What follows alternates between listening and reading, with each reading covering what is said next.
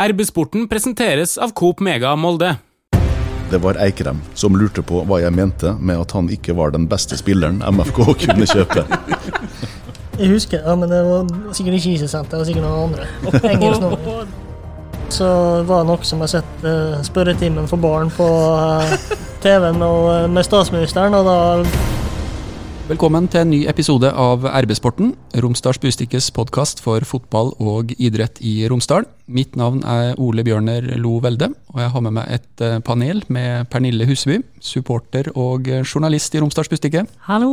Trond Hustad, sportsleder i Romsdals Bustikke. Hei, hei. I dag har vi også fått med oss Magnus Wolff Eikrem, kaptein Molde fotballklubb. Hallo. Strålende at du kunne stikke innom, eh, Magnus. Vi skal snakke mye om eh, kapteinsrollen i løpet av podden i dag, men jeg tenkte vi skulle starte med det aller mest aktuelle, nemlig håpet om at eh, fotballen snart skal begynne å rulle for alvor. Hva kan du si om situasjonen sånn som du kjenner den i, i dag? Hva kan vi tørre å håpe på? Nei, jeg sitter vel egentlig Jeg vet akkurat like mye som det dere gjør. Altså, jeg har vel et håp om at vi skal få begynne full trening igjen i, i løpet av ja, neste uke eller om to uker. Så forhåpentligvis kan serien starte i, i juni. Men det er jo klart at vi håper inderlig at vi får starte igjen. Og jeg tror det kunne vært veldig bra for de fleste. og i hvert fall um, få sett det på TV-en, og for oss uh, fotballspillere og for alle lag som sliter der ute. Så. Hvordan er treningene nå om dagene? Vi har um, hatt uh, utrolig bra treninger, for å være helt ærlig. Altså. Vi har jo hatt så å si samme gruppe hele tida. Jeg har vært på gruppe med en, uh, Leke James, Erling Knutson og Tobias Christensen. Og så har vi også hatt av og til en keeper med, så det har vært kult, faktisk. Hvor lenge har dere hatt med keeper på disse her gruppene? her? For Det har vært litt prat om at, at det gikk en liten stund før MFK skjønte at det var lov, faktisk? Ja, jeg tror ikke reglene var helt uh, klar på det. Og så var det noe som jeg har sett uh, spørretimen for barn på uh, på, på TV-en med statsministeren, og da kom det fram at det kunne faktisk være en keeper. Og at hvis det var én keeper, så var hele økta og kun den som brukte hendene, og ballene ble vaska etterpå. Så det var sånn vi fant ut, sånn jeg har forstått det. Men det, hvis du skal være 100% sikker på det, så må du spørre de andre. Men det, jeg, så, jeg så i hvert fall den spørretimen og tenkte vi kan faktisk ha keeper. Har vi så unge spillere på MFK at de ser på spørretimen for barn? altså? Jeg så det i hvert fall. Jeg syns det er i hvert fall får noen beste spørsmål. Da. Helt sant. det har jo vært uh, faktisk veldig bra uh, sendinger, de her spørretimene for, for, unger. Og jeg vil anbefale folk i alle aldre å ja, Kanskje det er litt mer sånn forståelig? At det blir litt sånn enkelt forklart? Og det er jo bra for, for meg òg, det. I hvert fall for oss enkle, så er det godt å se, se på. Hvis vi kan få Norges Fotballforbund da, til å stille opp i spørretimen for banen. Så kanskje vi får svar derfra på hvor tid sesongen kan starte. En ting som jeg føler er ganske klart, er jo det at det mest sannsynlig ikke vil være tilskuere før tidligst 1.9. Sett noen lister hvor de nå driver og diskuterer hvorvidt det skal være ballhentere eller ikke på arena, men ned mot kanskje 200-300 mennesker innafor portene da, når en fotballkamp skal spilles. Hvordan tror du det blir? Det kommer til å bli vanskelig å spille uten supportere, for det er, jo, det er derfor vi fleste spiller. sant? De som trigger oss, og lett å motivere seg, og, men det er jo folk så klar på å begynne å spille at nå, nå må vi nå bare spille uten supportere. og Det kommer nok helt sikkert til å gå bra, det òg, men det er jo klart det kommer til å bli spesielt de første kampene. og um, Når du ikke har den klappinga eller buinga eller hva det måtte være. Så det kommer ikke til å være en normal sesong. og Det må, må vi bare takle best mulig, altså. Hva slags situasjoner er det man savner publikum mest? Er det liksom når man begynner å få dytt i spillet og tenker at nå, nå kommer målet snart, eller er det etter at målet er scora og det ikke er noen som jubler sammen med det? Det blir jo begge, men altså det, det er jo det at når vi begynner å øh, altså få ned lag på inn, inn, inn i 16-meteren og vi får sjanse etter sjanse og du føler at supporterne er med det og liksom nesten heier ballen i mål, så det, det kommer vi til å savne. Så det er jo spennende, og i hvert fall hvis det blir 200-300 stykker som skal komme på kamp, så blir det utrolig vanskelig å velge hvem som får komme. og Det, det må da vel bli trekking eller et eller annet sånt. Men, kan det, velge dem som roper høyest, basert på desibel. Absolutt. Så nei, det, det, det blir jo spennende å se hvordan de gjør det, men igjen. Så at media igjen var på lista over dem som kanskje folk fikk lov til å se på, så må vurdere å fornye pressekortet sitt, også redaktøren, da. Han slipper ikke inn. Men det, jeg ser jo det at i andre land så driver de jo litt sånn alternativ eh, heiing, da. Kanskje det hadde gått an å finne på hva. Alle stiller seg med god koronaavstand utafor stadion og roper. Ser på kampen på TV og roper.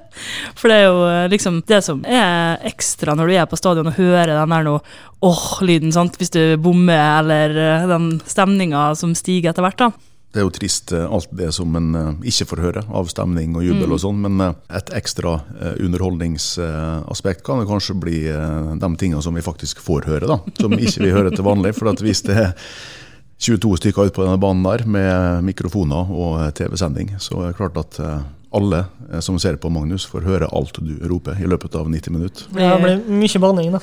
Kort for språkbruk. Det er sant, det er noe av det som egentlig er mest ved siden av fotballen, men kanskje nesten det mest interessante med å sitte og se på de her treningskampene som vi streamer fra type La Manga og sånn om eh, vinteren, er jo at du hører veldig godt eh, hva som blir sagt, og den kommunikasjonen som er både ute på banen, og kanskje spesielt fra, fra benken. Ja, Jeg fikk en god idé nå. Altså Hvis de som eh, sitter på benken inntar på en måte en slags tornekrattrolle og begynner å heie, kan gå i lære hos Eva-Britt uh, Mauseth først, eh, lederen i Tornekrattet, så kan de lære seg alle supportersangene, så kan de dit og heie litt på sidelinja.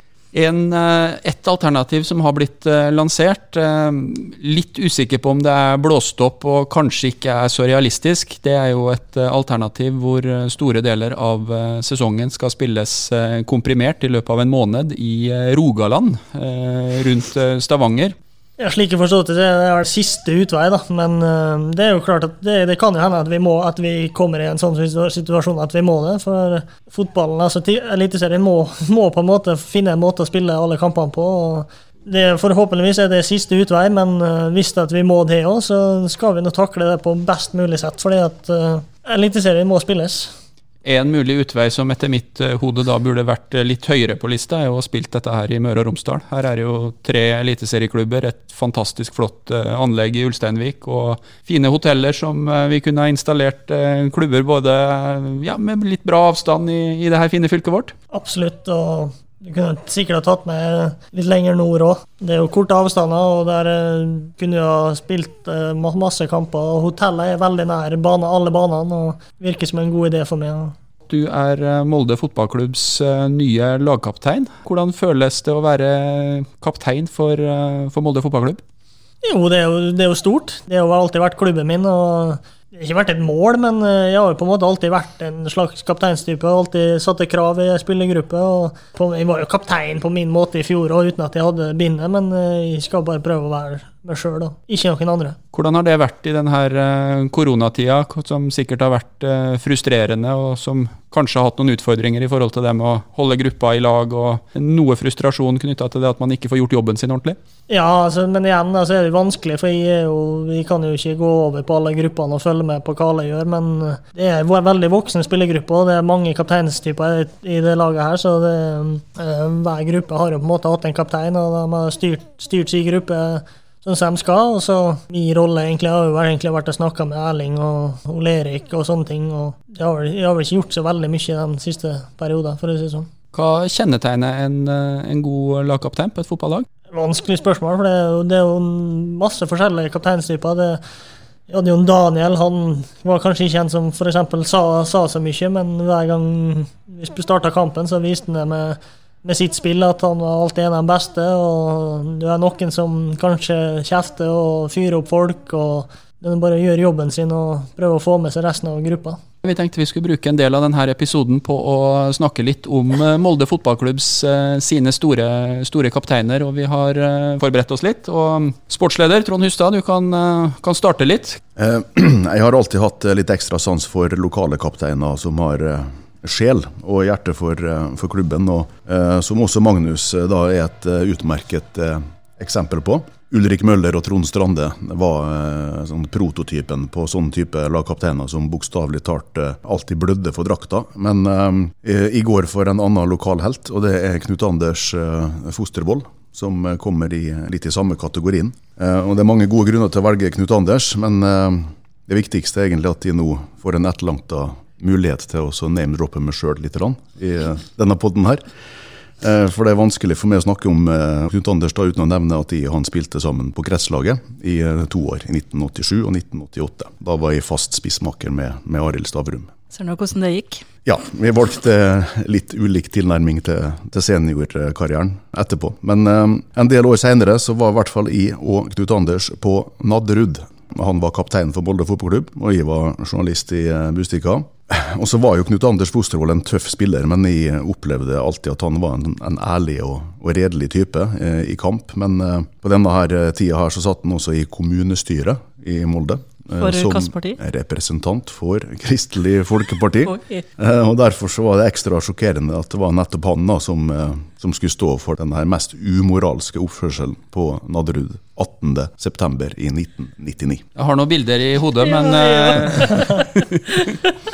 Kort fortalt, Fossi tråkka hardt på tåa til Petur Marteinsson, og han Stabæk-spilleren han snudde seg da og klapp sa til Knut Anders så vidt i ansiktet. Molde sin kaptein tenkte seg om i to-tre sekunder før han fant ut at det var smart å eh, legge seg ned, og han, eh, han kasta seg altså bakover eh, med en så voldsom kraft og på en sånn teatralsk måte at det, det ble flaut for alle oss andre eh, som var til stede der, med en gang. Men karma var også til stede på Nadderud den søndagen der, sånn at konsekvensen av dette her eh, dustete stuntet her, da, det var jo at Molde måtte spille nesten eh, hele andre omgang, ti mann, fordi at uh, fikk jo et veldig fortjent gult kort for denne filminga der, og så fikk han gult kort igjen sånn, helt i begynnelsen av, av andre omgang, og ble utvist. Det må være det flaueste, tror Det har vel blitt kåra til tidenes uh, filming.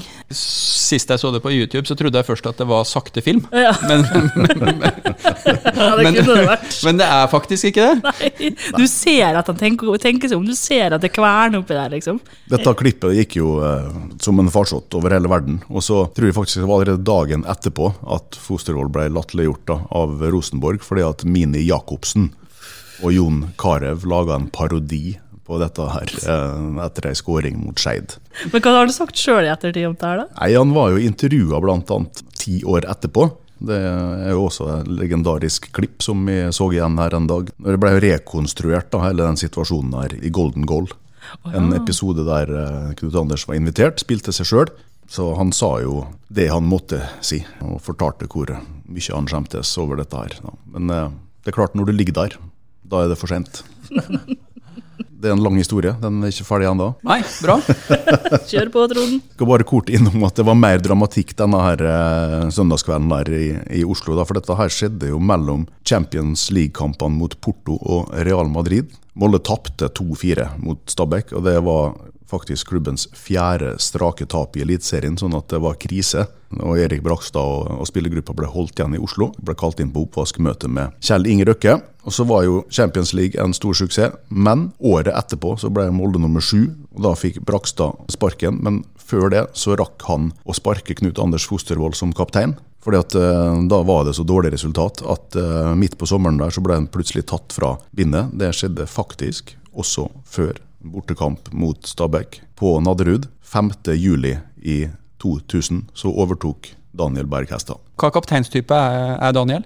Han gikk jo alltid, når det var kamper, så var han alltid en av de bedre spillerne, i hvert fall sånn som jeg- når jeg spilte med han. Og han var alltid en som gikk inn i dueller og satte et eksempel for alle andre hvordan det skulle være å være Molde-spiller, og hvordan han oppførte seg utenfor banen og alt sånt der. Så han var jo en um, det vil man kalle et prakteksemplar av uh, en kaptein. Det, en uh, så stor klubblegende, og det var en ære å spille under han som kaptein. altså. Tror du spillere som kom utafra, som ikke hadde denne kjennskapen til Molde fotballklubb, eh, forsto det her fort?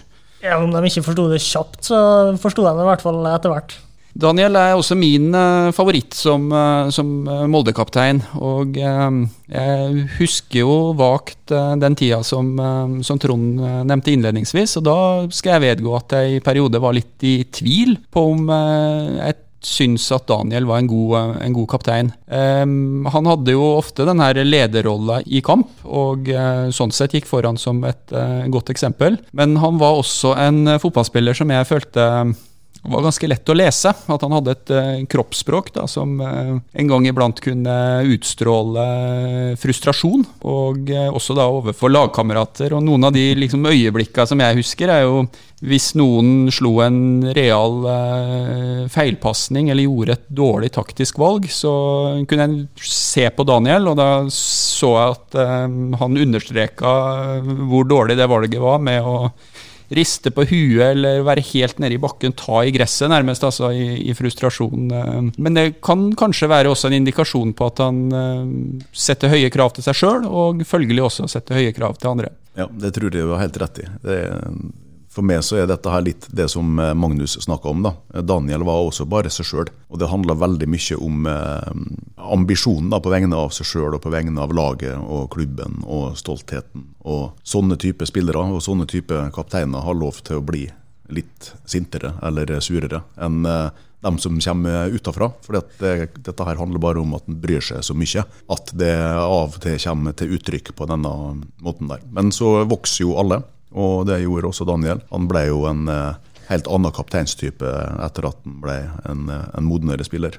Det kan du trygt si, og det, det, er jo på en måte det som er årsaken til at jeg har han eh, aller øverst på, på lista over, over MFK-kapteiner. Og mitt inntrykk, er, kanskje for at jeg liksom har nådd den alderen sjøl, det er en sånn historie om at den gamle mannen, da, som du tross alt er når du er 40 år på, på fotballbanen, eh, fortsatt er veldig stor. Og mange gode eksempler på det i fotball. Chiellini, midtstopper Juventus. Buffon, eh, kaptein, keeper Juventus. Jeg holder med Everton. Phil Jagielka, helt fantastisk å se de siste åra som kaptein, eh, og kanskje også i de situasjonene hvor du ikke lenger spiller hver eneste kamp, men når du spiller, så har du faktisk da kapteinspinnet og skal være den som, som leder an. Og det største øyeblikket i så måte for min del da, med, med Daniel, det er 5.11.2015. Eh,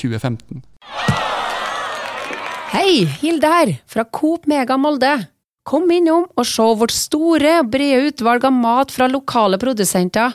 Vi har også gavepakker til den som har alt. Velkommen til Coop Mega Molde!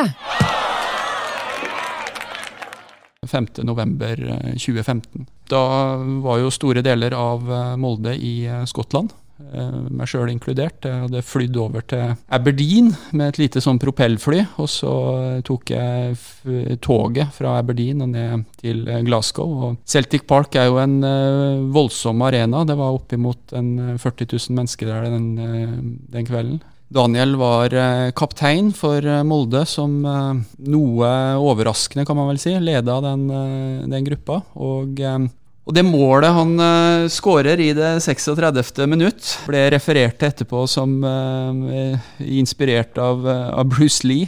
En corner som blir forsøkt klarert av en hjelpeløs Celtic-spiller. Havner i beina på Hussain. Slår den over til jeg tror det er Elionussi, og som da får pirka han inn foran mål, ganske høyt. Det er borti en Celtic-spiller, sånn at den faller egentlig nesten sånn perfekt ned, og så ser du mannen på 40 år og 99 dager da bare jeg tror ikke det var noe som kunne stoppe han. Klare med et sånn perfekt spark å få ballen i mål. Og Jeg så det igjen i dag for å liksom huske at jeg, så det for meg riktig, med engelsk kommentator.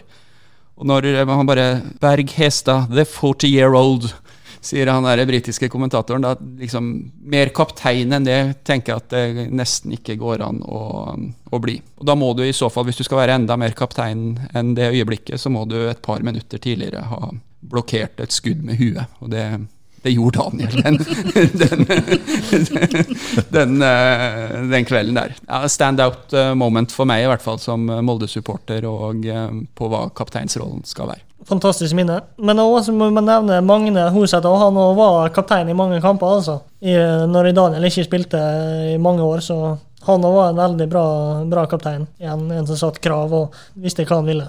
Hvordan tror du det er der med å drive og gå litt sånn ut og inn av, av laget, og samtidig skal være den som leder når du er på banen?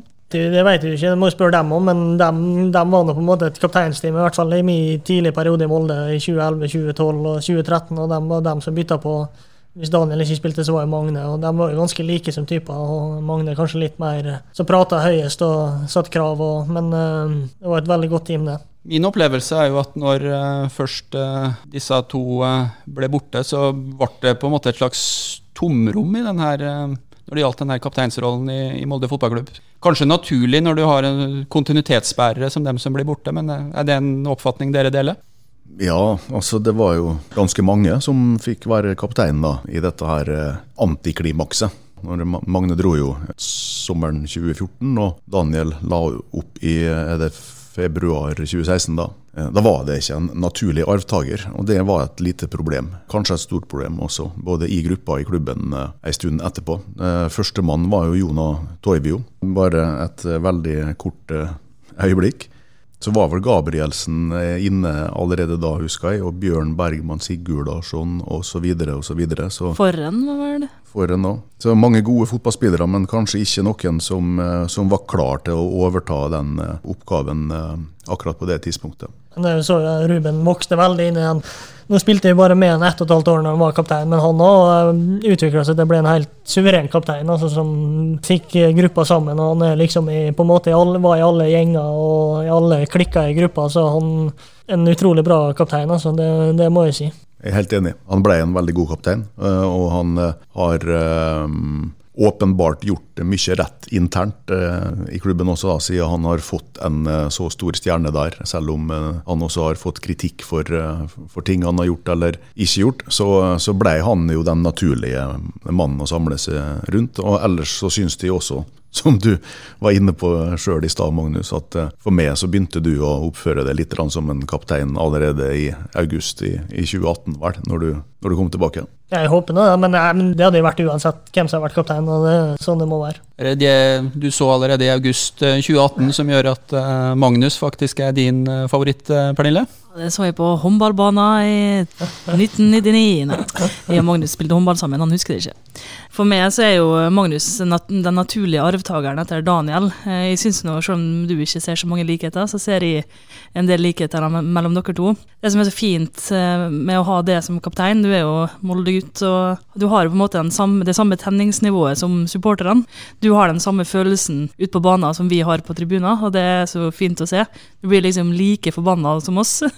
Bortsett fra at du ikke roper skit når du passerer midtbanen. oppe, ja. Jeg har jo et favorittøyeblikk, eh, og det var i 2012, da du får vite at vi har tatt gull. Også et legendarisk eh, YouTube-klipp. For der var det litt styr eh, med en kamp som måtte avgjøres før vi fikk vite at vi hadde vunnet. Og nå sa jeg vi òg, hører jeg, men ja.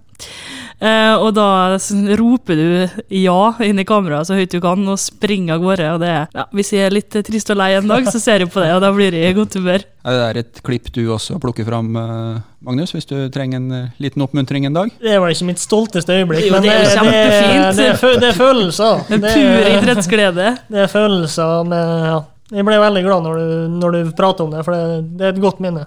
Ja, det var, altså, den kampen der var helt sinnssyk, nesten så vi bør ta en egen episode om det.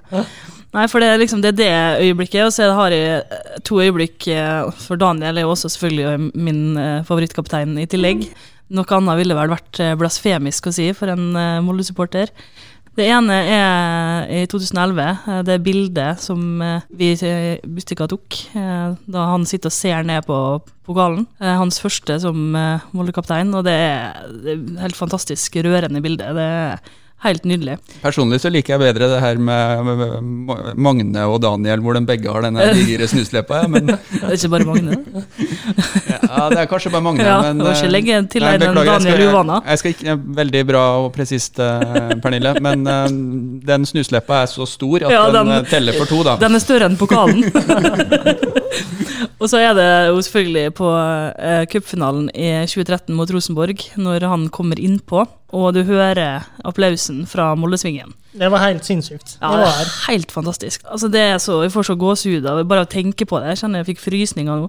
Sånn eh, kommer det nok til å bli for deg og Magnus. Ganske sikker på at du kommer til å få eh, en lignende standing som han. eh, Og du har jo allerede begynt å få det, og kanskje det blir en liten statue. Det viser jo, eh, det viser jo litt av, av denne legenden som Daniel har inni seg. da. Akkurat den måten han håndterte dette her på. Egentlig allerede da på slutten av karrieren. Han, han var jo aldri skada, og så ble han skada akkurat når eh, Solskjær og hans sitt regime overtok her. sånn at han var jo på mange måter på vei ut både av eh, lederroller og av laget. I preseason 2011, husker jeg. Var deprimert og sur og forbanna på alt og alle, og på seg sjøl og på beina sine og sånn. Og så var han jo ofte reserve. Ble bytta ut, starta på benken, som f.eks. i en cupfinale i 2013. Det er jo egentlig helt hårreisende å tenke på. Men han jobba på, ga seg aldri. Han kom tilbake, og så får han en sånn der second eh, childhood, på en måte, eh, der han er nesten bedre enn noensinne, og viktigere enn noensinne for laget og klubben da, de siste tre åra kanskje av karrieren sin. Det er respekt. Og så satser vi på at du ikke kommer i den situasjonen, Magnus. At du skal begynne å starte på benken, for det tror jeg ikke går like bra. Jeg blir i hvert fall om ti år, det. Du eh, har jo spilt med ganske mange store fotballnavn. Eh, på lista over eh, kapteiner i spillergrupper du har vært en del av, så er det jo absolutt flere med det jeg vil kalle legendestatus. Gary Neville, Manchester United. Markus Rosenberg, Malmö FF. Og sjølsagt Daniel Berg Hestad, Molde fotballklubb. Kan du si noen ting om eh, dine favoritter, Magnus? Jeg har jo Daniel, jeg òg. Altså, det, det er jo umulig å komme utenom han. sant? Uh, som Molde-gutt og alt sånt men uh, siden alle har tatt den, så kan jeg velge Markus Rosenberg. Han, han, har jo litt lik status som Daniel hadde i, i Molde, eller har i Molde et klubbikon. Kom tilbake til Malmö, tok Malmö rett til Champions League to år på rad. Uh, altså en, en, legende. Alltid best i de store kampene. Alltid gikk først i duellene, trykte til. Var sint og fikk med seg supporterne og prata før kamper. Hadde peptalk hver før hver kamp. Så han var en, uh, en, stor kaptein, og i tillegg tok vare på alle de unge som kom opp, og passa på at alle hadde det bra, og snakka når de måtte snakke. så Malmö FF er en stor klubb. Det er kanskje ikke alle nordmenn som forstår hvor, hvor stor klubben er. Nei, det er jo en av de desidert største, og det er jo utrolig stort press å spille for den. Og han liksom som en hjemvendt sønn, kanskje de trodde han var ferdig, og kom, fikk var det en som ble skada som var kaptein, og han fikk kapteinspinn, og han så seg aldri tilbake og leda. Ja, han har vel tatt serie, tre seriegull. og to Champions League og to Europaliga. Det var enkelt å, å, finne noen sånn uh, spissformulerte, enkeltstående sitat, men uh, når jeg søkte litt i sted, uh, noen som hevder at han for Malmö-supporterne er større enn Zlatan? I hvert fall nå når, når, når Zlatan har gått inn i Hammarby, så er, er nok Markus Olsmann den, den største. Du var i Manchester United som ung fotballspiller. Um, der var det Gary Neville som var uh, kaptein i disse åra. Hva posisjon uh, hadde han i, i denne spillergruppa? Ja, men han og igjen, han, jo, var jo en stor, stor legende. sant, og men han var, han var jo han, han, styrte jo alt og klaga på hvis at sokkene var for små eller eh, shortsen var for liten, og medium var ikke medium og large var ikke large. Så han passa på alt og var veldig bra med de yngre guttene og visste at det var noen som ikke hadde agent og det skulle være nye kontraktsforhandlinger. så var kunne han eh, ta seg av det og hjelpe til skikkelig. Så igjen, nå var jeg ikke så tett på han, men jeg fikk jo et inntrykk av at han var en veldig bra kaptein og snakka alltid med oss yngre og alt sånt der. Før vi runda, så um, var det jo sånn at noen kanskje tidlig så at uh, Magnus uh, Wolff Eikrem skulle bli uh, Molde fotballklubbs kaptein. Jeg vet um, du gjorde noen notater, Hustad, i, i 2011? ja, jeg har skrevet flere. Litt pompøse og kanskje litt klissete hyllester av noen av disse her lokale heltene til MFK, bl.a. Magnus Eikrem også. Og egentlig før han eh, hadde utretta noe som helst eh, for eh, moderklubben. Men eh, jeg har funnet fram eh, en kommentar fra, fra 100-årsjubileet, som da var i juni 2011. Der jeg bl.a. skriver følgende da under overskrifta 'Framtidas helt'. Nå trenger klubben noen nye forbilder som kommer fra Molde eller distriktet rundt. Derfor har det så stor betydning at Magnus Wolff Eikrem er en sentral brikke i Ole Gunnar Solskjær sitt gullprosjekt. Magnus vokste opp i skogveien. Han trikset seg god på Langmyra og Lubbenes. Han har blått hjerte. MFK trenger både tøffe trøndere og smarte afrikanere hvis klubben skal ta gull i Eliteserien, men MFK trenger også en moldenser eller to. Det handler om tilhørighet og venner, familie og følelser. Han er fra Molde, og han er fra Molde fotballklubb. Ja, jeg sa pompøst. Eh, da Ole Gunnar Solskjær eh, ble presentert som eh, Molde-manager i november 2010, skrev jeg at det første han burde gjøre, var å ta med seg Magnus Wolff Eikrem hjem fra Manchester. Nettopp pga. at merkevaren MFK trenger lokale helter som kan bidra med identitet og tilhørighet inn i framtida. Jeg skrev at Magnus Eikrem ikke var den beste spilleren Molde kunne kjøpe, men den viktigste, fordi at han er fra Molde. Dagen etter fikk jeg en tekstmelding fra et engelsk mobilnummer. Det var Eikrem, som lurte på hva jeg mente med at han ikke var den beste spilleren MFK kunne kjøpe. Jeg husker, ja, men det var sikkert ikke Isesent, det var sikkert noen andre. Oh, oh, Å, den, ja. Den, Ja, det sier de alle.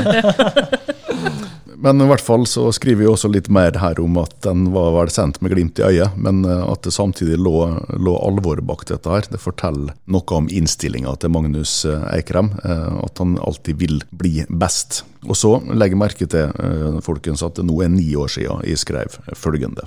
Når Ole Gunnar Solskjær har bygd ferdig sitt MFK-lag, tror jeg at Magnus Wolff Eikrem er sjefen på midtbanen. Han kommer til å slå drøssevis med målgivende pasninger i bakrommet.